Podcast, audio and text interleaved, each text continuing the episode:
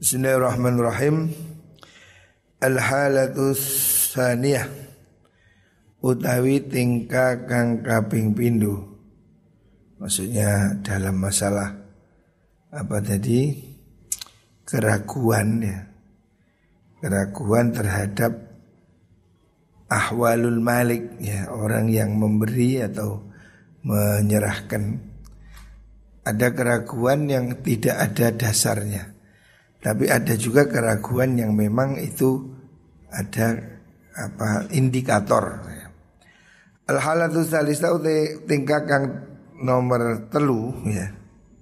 Yang dari masalah keraguan terhadap orang yang menyerahkan benda Iku ayakuna ono Sopo opo yen ono opo mengkunu mengkunu Mal iku maskukan kang den mamangi ya. Kalau memang harta itu meragukan. Bisa babin kelawan sebab. Bisa babi dilahalatin Kelawan sebab kang nutilalah perkara kang nutuaken aurasat kang netepaken apa mengkuno-mengkuno dilalah ribatan ing kemamangan. Kalau memang ada timbul keraguan. Sebab memang ada dilalah. Nah, jadi ada kalanya sesuatu itu memang indikatornya terlihat. Falnadkur mongko nutur ingsun suratan ing surata ribatin ing contone kemamangan ya. Contoh di mana kita ini mendapatkan keraguan ya. Hukmaha summa hukmaha nuli ing hukume mengkono riba. Amal napa niku? Khilqah Anapun segi kedatian ada karena keraguan itu dilihat dari uh, bentuknya dari uh, apa?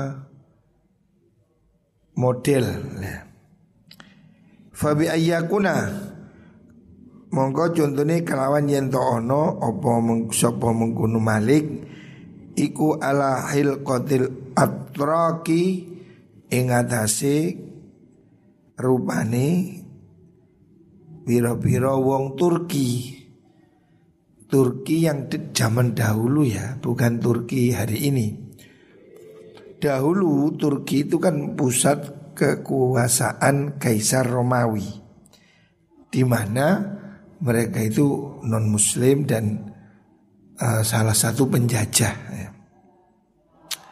Makanya kalau ada orang memakai atribut Turki Nah itu menjadi hartanya termasuk harta yang diragukan sebab mereka ini pada saat itu ya pada zaman Imam Ghazali abad keempat abad kelima mereka itu gerombolan para pasukan penakluk kan.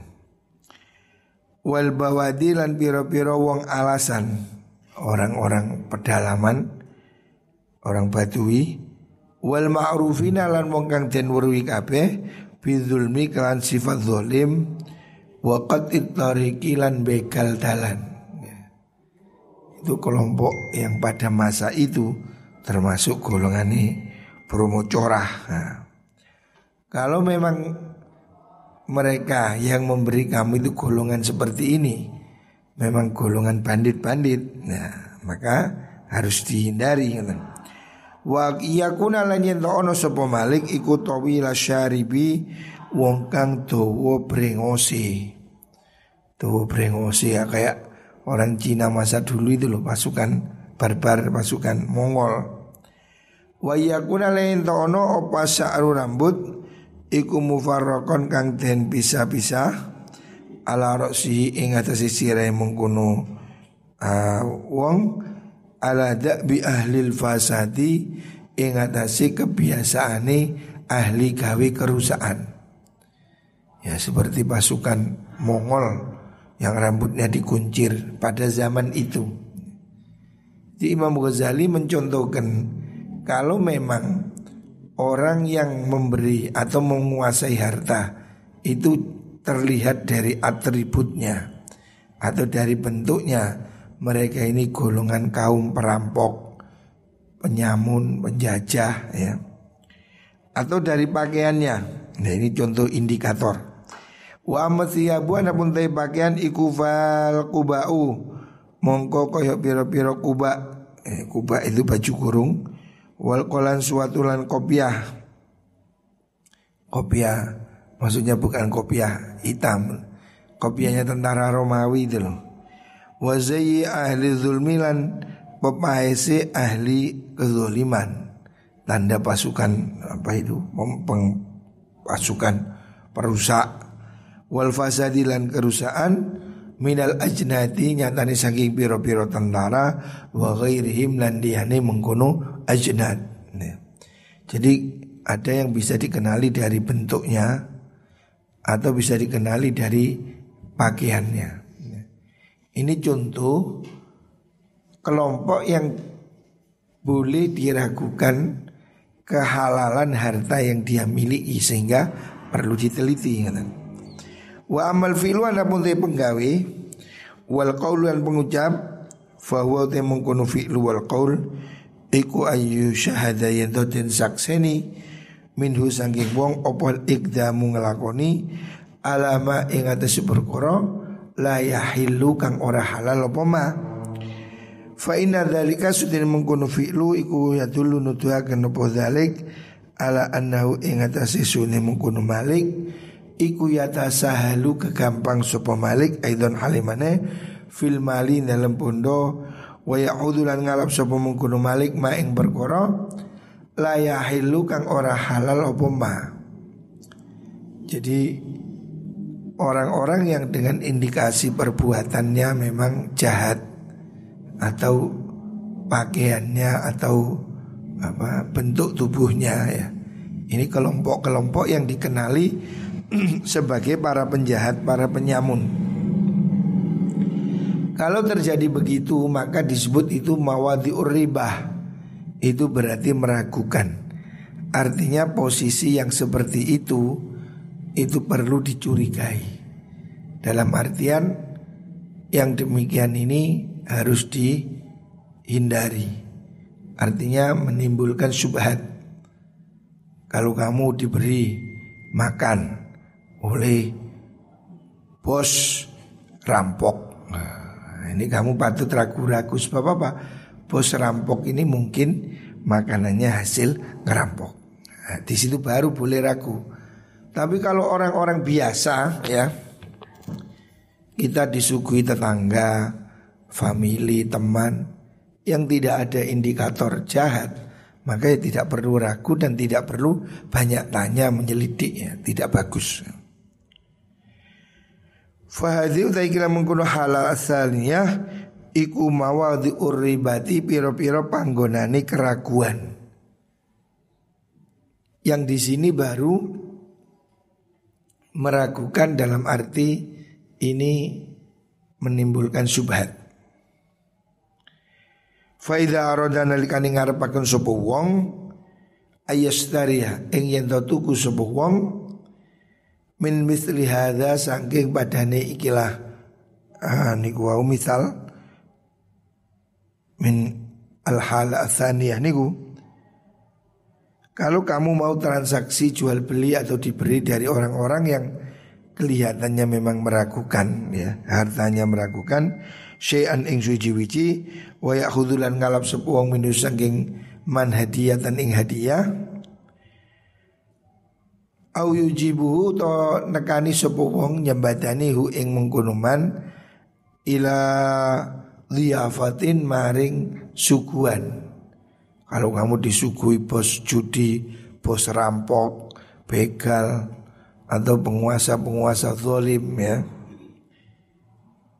Wah wah hal utai mengkono mengkono niku wau iku gharibun kang longko jarang terjadi majhulun tur kang den bodoni tidak dikenal indah ono sandingiman. Lam yadhar tur kang ora pertero lahu maring man minhu sangking ikilah minhu sanging lahu kedue mengkono wong maksudnya wong kang den undang niku.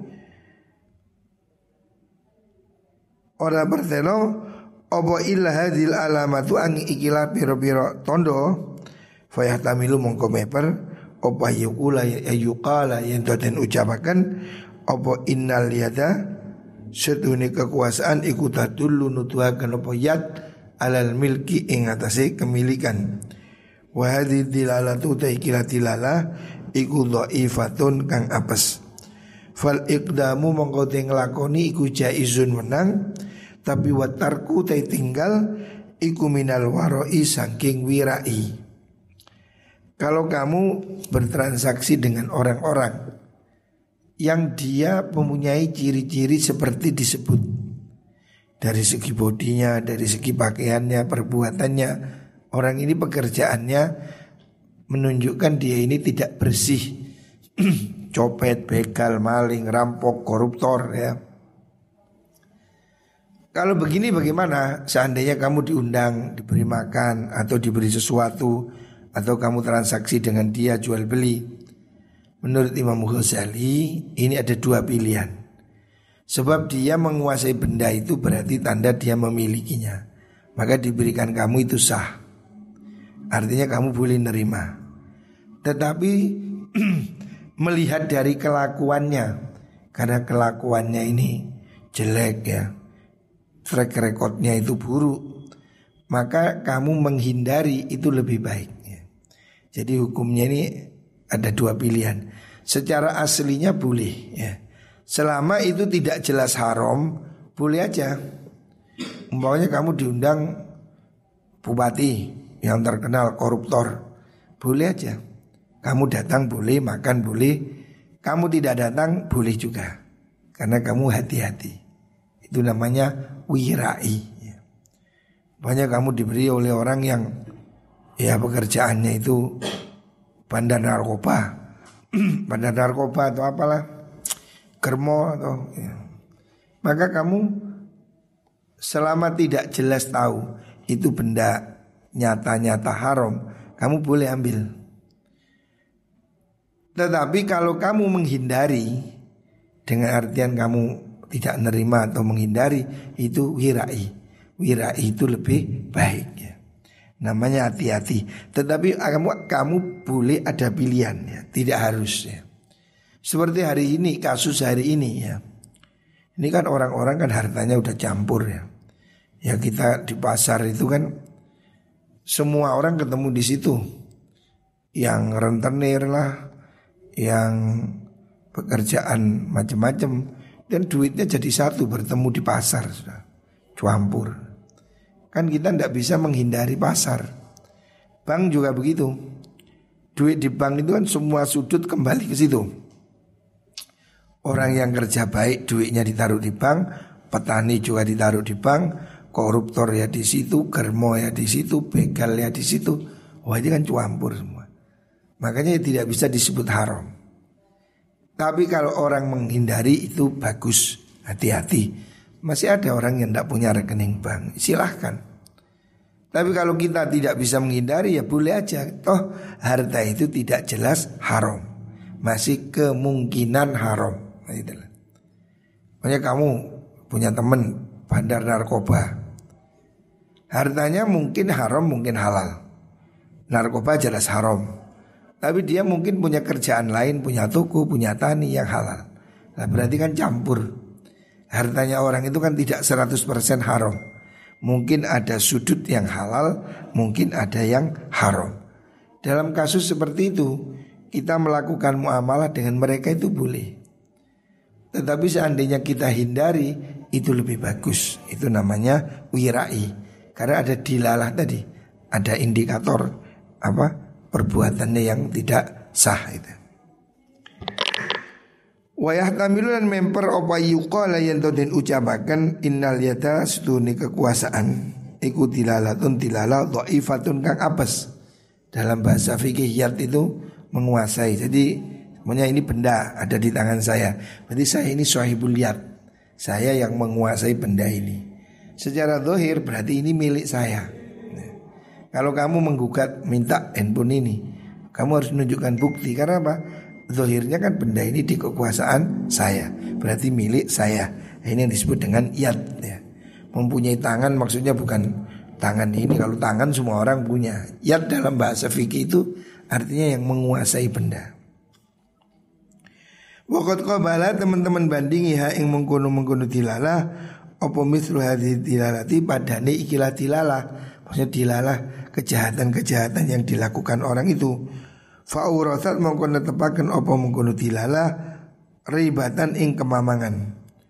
Fal hujumu mongko utai ngelakoni ngelakoni transaksi dengan mereka iku gairu jaizin gairu jaizin ora wenang. Wa wa tekol iku alladzi perkara nakhtaruhu kang milih kita hu ing qaul wa naftilan fatwa kita wa nuftilan awe fatwa kita bi kan mengkono qaul bi qauli karo dawi Rasulullah sallallahu alaihi wasallam rupane dak ma yuribuk ila ma la yuribuk dak tinggal sira ma ing perkara yuribuka kang mamangaken apa mak ing sira ilama maring perkara la yuribuka kang ora mamangaken apa maka ing sir. Wa mongko utai dhahiri hadis iku amrun perkara. Wa ing kanas eh iku amrun perintah, perintah meninggalkan. Wa ing kana senajan ono apa mengkono-mengkono amrun iku yahtamilu memper apa amrun al ih istihbaba ing kesunahan. Dikauli karena dawi Rasulullah sallallahu alaihi wasallam Al ismu utai dosa iku hazzazul qulubi perkara kang ganjel ngrenjelaken pira-pira ati. Wa hadza lan utawi ikilah niku wau ikdam utawa hujum lau iku kedue hadza waqun utawi nibaaken utawa karoso fil qalbi dalam ati la yataqarrar la yatakarraru kang ora bola-bali apa mengkono waqun. Wali anna nabi dan rasul Nabi Muhammad sallallahu alaihi wasallam iku sa'ala takon sapa nabi asodaqatun huwa am hadiyah asodaqatun ana iku sedekah wa taisy am hadiyatun to iku hadiah wa sa'alan takon sapa Abu Bakar sapa Abu Bakar radhiyallahu anhu ulamahu ing ulam budake pembantune Abu Bakar. Maksudnya begini Nabi ya itu kan pernah ketika dia datang dari Makkah ke Madinah Dia diberi pemberian. Beliau kan tanya Ini sodakoh apa? Hadiah. Kalau sodakoh Kalau zakat Nabi nggak mau menerima Karena Nabi tidak menerima zakat. Tapi kalau hadiah Nabi menerima. Artinya kalau ada keraguan Nabi bertanya. Ya. Kalau ada keraguan Nabi bertanya. Adapun dalam hadis-hadis lain yang juga sahih, umpamanya hadisnya Ummu Salamah dan hadisnya Robibah dan seterusnya, Nabi pernah diundang makan, diajak jamuan, selamatan dan Nabi tidak tanya. Karena ada dua riwayat. Ada yang Nabi tanya, ada yang Nabi tidak tanya. Yang Nabi tanya itu kalau ragu. Yang Nabi tidak tanya itu karena Nabi merasa yakin. Nah, dari sini kita juga mempunyai dua contoh. Kalau kita ragu, sebaiknya tanya, Pak ini halal nggak? Eh, kalau kamu di Hong Kong, ini Muslim food bukan, halal bukan. Itu karena kamu ragu. Di Bali, kamu tanya. Tapi kalau orang yang tidak diragukan, tetangga, saudara, family, teman, tidak perlu ditanyakan. Karena apa? Justru kalau kita tanya, itu akan menyakiti perasaannya. Lah, sekarang kalau orang ini ada indikasi, indikasinya ya dia itu bandar narkoba, koruptor, maling, begal ya sudah indikasi lahirnya dia pekerjaannya nggak benar. Boleh nggak kita nerima sesuatu dari dia? Atau kita jual beli atau kita menerima pemberian? Ini ada dua pendapat. Ada yang mengatakan boleh, ada yang mengatakan tidak boleh. Menurut Imam Ghazali ini boleh. Ada kamu diundang makan tetanggamu, dia pekerjaannya apa? GM, apa GM? Germo. Saya ini singkatan ini kan germo. Oh. singkatannya GM bukan bunga bukan general general manager germo. Boleh nggak makan di situ? Dua pendapat. Ada yang mengatakan boleh karena dohirnya toh itu makanan dia. Berarti itu milik dia. Dan mungkin itu tidak haram karena tidak jelas. Tetapi kalau kamu hindari itu lebih baik. Itu namanya wirai. Ya. Untuk pribadi lo ya. Kalau untuk umum umat boleh. Pokoknya ini ada apa itu bandar togel mau nyumbang pondok. Oh saya terima. Pokoknya datang ini ada bandar narkoba tobat. Ya, mau nyumbang pondok semen 100 sak silahkan diterima. Karena apa? Harta haram sekalipun itu kalau untuk kemaslahatan boleh bangun jembatan, bangun jalan, bangun kuburan, boleh-boleh aja tidak masalah. Tapi kalau untuk saya pribadi ya saya nggak mau. Atau saya pura-pura terima, saya berikan orang lain. Karena apa? Karena saya ragu-ragu melihat apa sepak terjangnya. Ya umpamanya orang itu ya umpamanya kalau hari ini ini kan ada kerjaan lagi itu ada itu ayu-ayu itu apa istilahnya? Ya ngono iku lah apa istilah karo LC ya apa namanya itu. Pokoknya ya kerjaan yang tidak halal lah. Kerjaan nemani minum, karaoke, panti pijat, umpamanya. Ayo gimana itu? Kalau saya dikasih ya saya nggak mau kalau tahu kerjaannya. Ya saya berikan orang miskin tidak apa-apa. Tapi kalau dia nyumbang masjid, nyumbang panti asuhan, boleh. Harta haram itu memang tasarrufnya ke fakir miskin dan kemaslahatan. Jadi boleh kalau orang itu harta haramnya itu kan dibuang juga nggak boleh. Pokoknya orang ini masa lalunya pemain togel, hartanya banyak. Mau dikemanakan? Dibuang tidak boleh, dilempar ke laut tidak boleh, dibakar tidak boleh. Gimana? Serahkan kepada fakir miskin. Boleh. Karena fakir miskin itu darurat bangkai pun boleh dimakan. Atau serahkan kepada kemaslahatan umat Islam. Dibuat bangun jembatan, dibuat beli penerangan jalan, dibuat apa ya? Bikin gerdu, bikin WC umum, tidak masalah. Jadi harta haram itu ditasarufkannya ke kemaslahatan boleh ya. Lah kalau untuk pribadi kita umpamanya saya dikasih ini bos narkoba saya dikasih uang ya kalau saya tahu dia kerjaannya banyak haramnya ya saya hindari atau saya terima saya berikan masjid saya berikan siapa pun fakir miskin tidak apa-apa. Tapi kalau kita diundang makan di rumahnya gimana makan apa enggak? Kalau kamu mau makan silahkan boleh selama itu makanan halal. Ini kamu diundang bupati koruptor. Disuki sate ya oleh mau sate ayam kok. Sate babi gak oleh. Suki roti dokasin apa mana itu ya makanan halal boleh dimakan. Walaupun dia pekerjaannya haram. Umpamanya tetangga. Ya kan ada tetangga kita ini rentenir umpamanya. Bagaimana ini rentenir? Kan hartanya haram ya tapi kita diberi makan dia boleh nggak dua pilihan. Menolak atau menghindar lebih bagus. Makan pun boleh. Selama tidak jelas itu pasti dari perenteniran atau pasti haramnya. Tapi kalau itu jelas haramnya tidak boleh. Pokoknya ini orang habis nyolong, nyopet. Terus loh, aku tas nyopet. Ini jangan diterima. Jelas itu harta haram. Ini kan bendanya haram. Tidak boleh. Tetap haram ya. Tetapi kalau di, tidak jelas itu Imam Ghazali mengatakan boleh aja dimakan. Dihindari juga lebih baik selama tidak tampak haram. Loh bagaimana kok nggak ditanyakan? Ya kalau ragu silakan tanya. Sayyidina Umar pernah tanya waktu diberi susu dari Khaybar dia tanya ini zakat atau bukan? Nah, tanya. Abu Bakar pernah dikasih pembantunya Tanya ini dari mana? Hasil apa ya?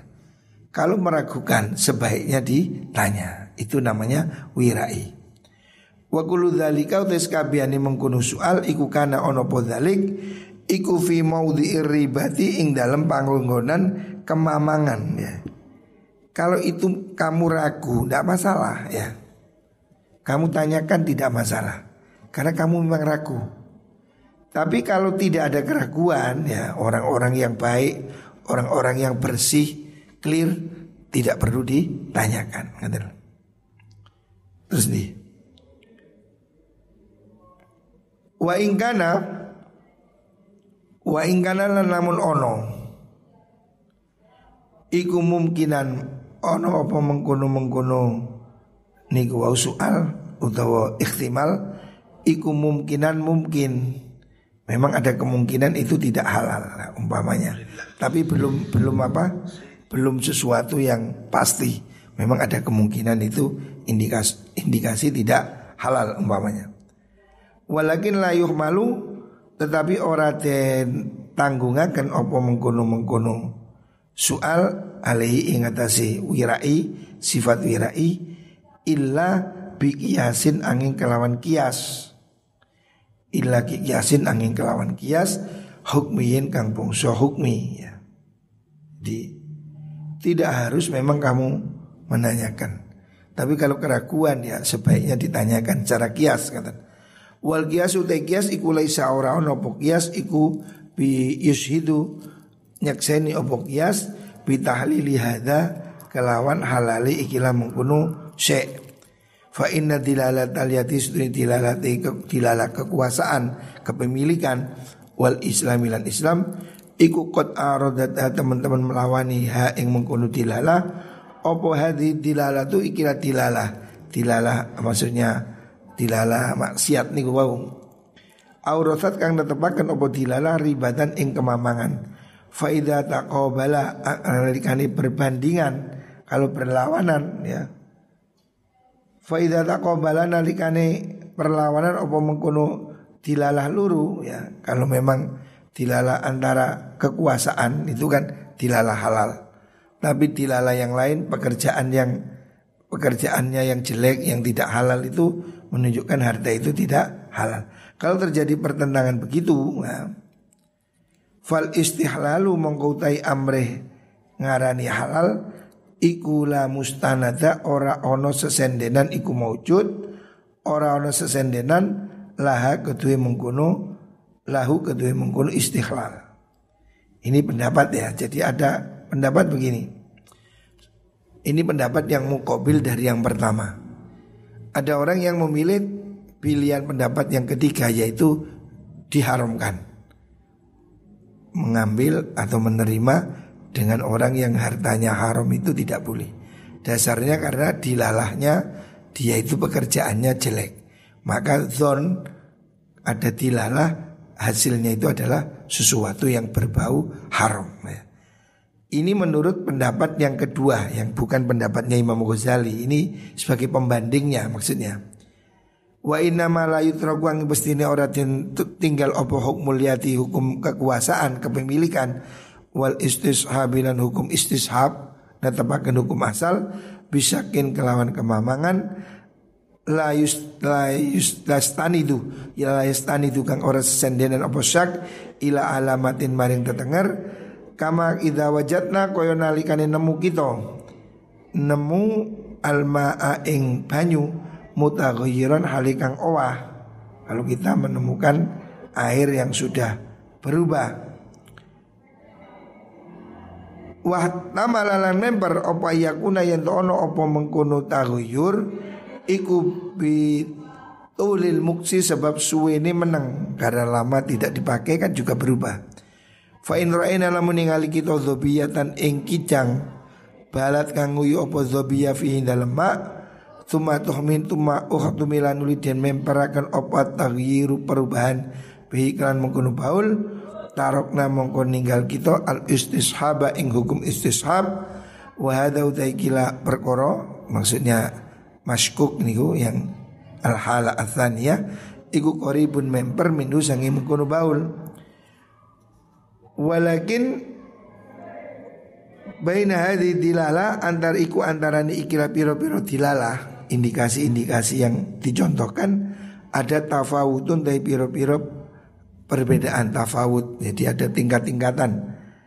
Fa inna tulas syawaribi setuni dawane brengos walapsul ilan nganggu uh, topi, topi helm Romawi itu wahai atul aznadi lan tingkai tentara, tentara penakluk pada zaman itu iku ya dulu nuduhaken apa mengkono uh, tula syawar bila ala zulmi ing atase penggawe zulim penggawe zulim bil malik lan pondo. Amal qaul ana pun qaul qaul yang mengatakan ana apa niku? Milkul yad wa sahibul yad. Wal fi'lu lan wabil fi'li lan kelawan penggawe penggawe yang pekerjaan profesi orang yang menguasai harta. Al mukhalifati kang al mukhalifati kang nulayani. Pira-pira kang nulayani lisat imang maring syariah inta allaka iku lamun gumandung apa karone qaul wal fi'lu. Bidul mil malik lan zulimi bondo. Fa wa ta mengkono qaul aidan halimane.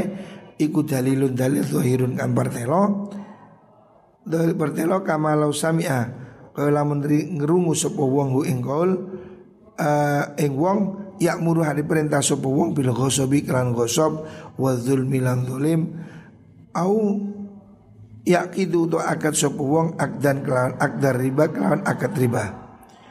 Wa amma idza ra'aw anapun nalikani ningali sapa wong hu ing malik malikul mal. Kau syatama teman-teman misu sapa malik gairu ing liyane mengkono malik.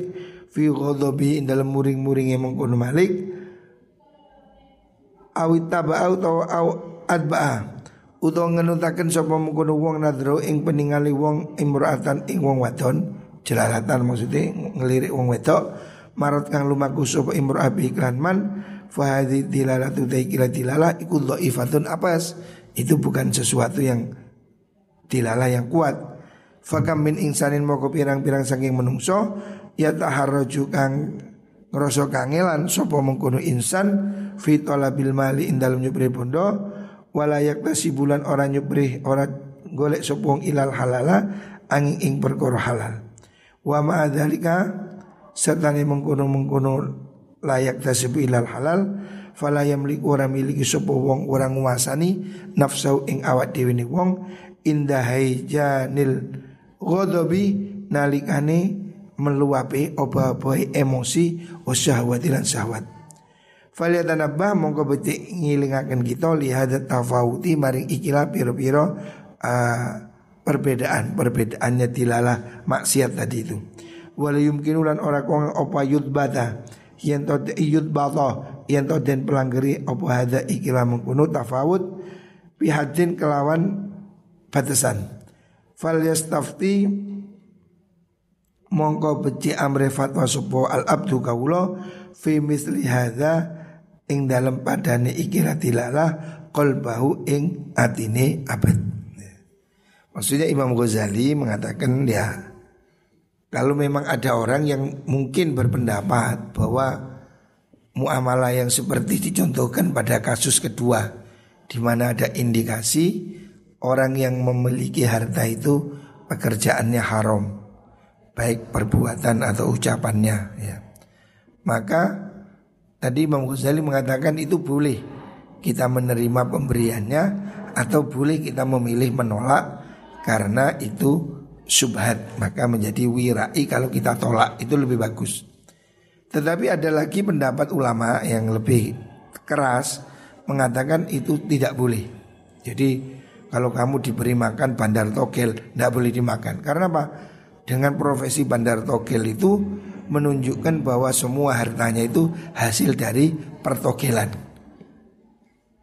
Hasil pertogelan itu haram, maka kamu tidak boleh ambil. Menurut pendapat yang ketiga. Ya. Jadi ini ada ada tiga pendapat. Kalau Imam Ghazali sih mengatakan asalnya boleh aja selama tidak jelas. Tetapi lebih bagus wirai ditinggal. Tetapi ada ulama yang mengatakan tidak boleh. Jadi kamu diberi makan oleh bandar narkoba, bandar judi, kermo, lunte, tidak boleh. Karena kamu punya indikasi kuat dia itu mendapatkannya dengan cara yang tidak halal. Ini pendapat yang ketiga. Tetapi pendapat ketiga ini Imam Ghazali tidak bisa menerima 100%. Sebab bagaimana maksiatnya orang ini kan beda-beda. Ada yang mungkin 100% full, mungkin 50, mungkin 60, tidak bisa dikepiawi ya. Artinya kalau menurut Imam Ghazali pendapat yang melarang secara total ini belum tepat. Sebab di antara pelaku-pelaku maksiat itu kan ada yang maksimal, ada yang sedang, ada yang minimal. Rentenir mungkin ada rentenir kelas berat, menengah, sedang atau dikit-dikit. Akan tingkat keharumannya beda. Tingkat syubhatnya kan tidak sama. Kalau Imam Ghazali ini lebih netral ya. Lebih mengatakan boleh. Karena tidak semua harta itu haram. Selama tidak jelas itu betul-betul haram. Kalau masih ragu, ya pilihannya ditinggalkan. Itu adalah sifat wirai. Atau kalau kamu memang mengambil, memilih untuk mengambilnya Selama kamu tidak yakin itu betul haram Boleh saja. Meskipun ada pendapat ketiga yang mengatakan tidak boleh. Sebab dilalah pekerjaan, perbuatan, ucapan pemiliknya Itu menunjukkan bahwa profesinya haram. Maka hartanya semua haram. Nah ini ada pilihan-pilihan pendapat Walaupun yang mengatakan haram secara mutlak ini juga tidak bijak Karena perbuatan haram itu kan masih harus dipilah-pilah dulu ya. Tidak bisa digeneralisir semua rentenir itu pasti semuanya hartanya 100% haram. Mungkin dia punya harta-harta yang tidak haram.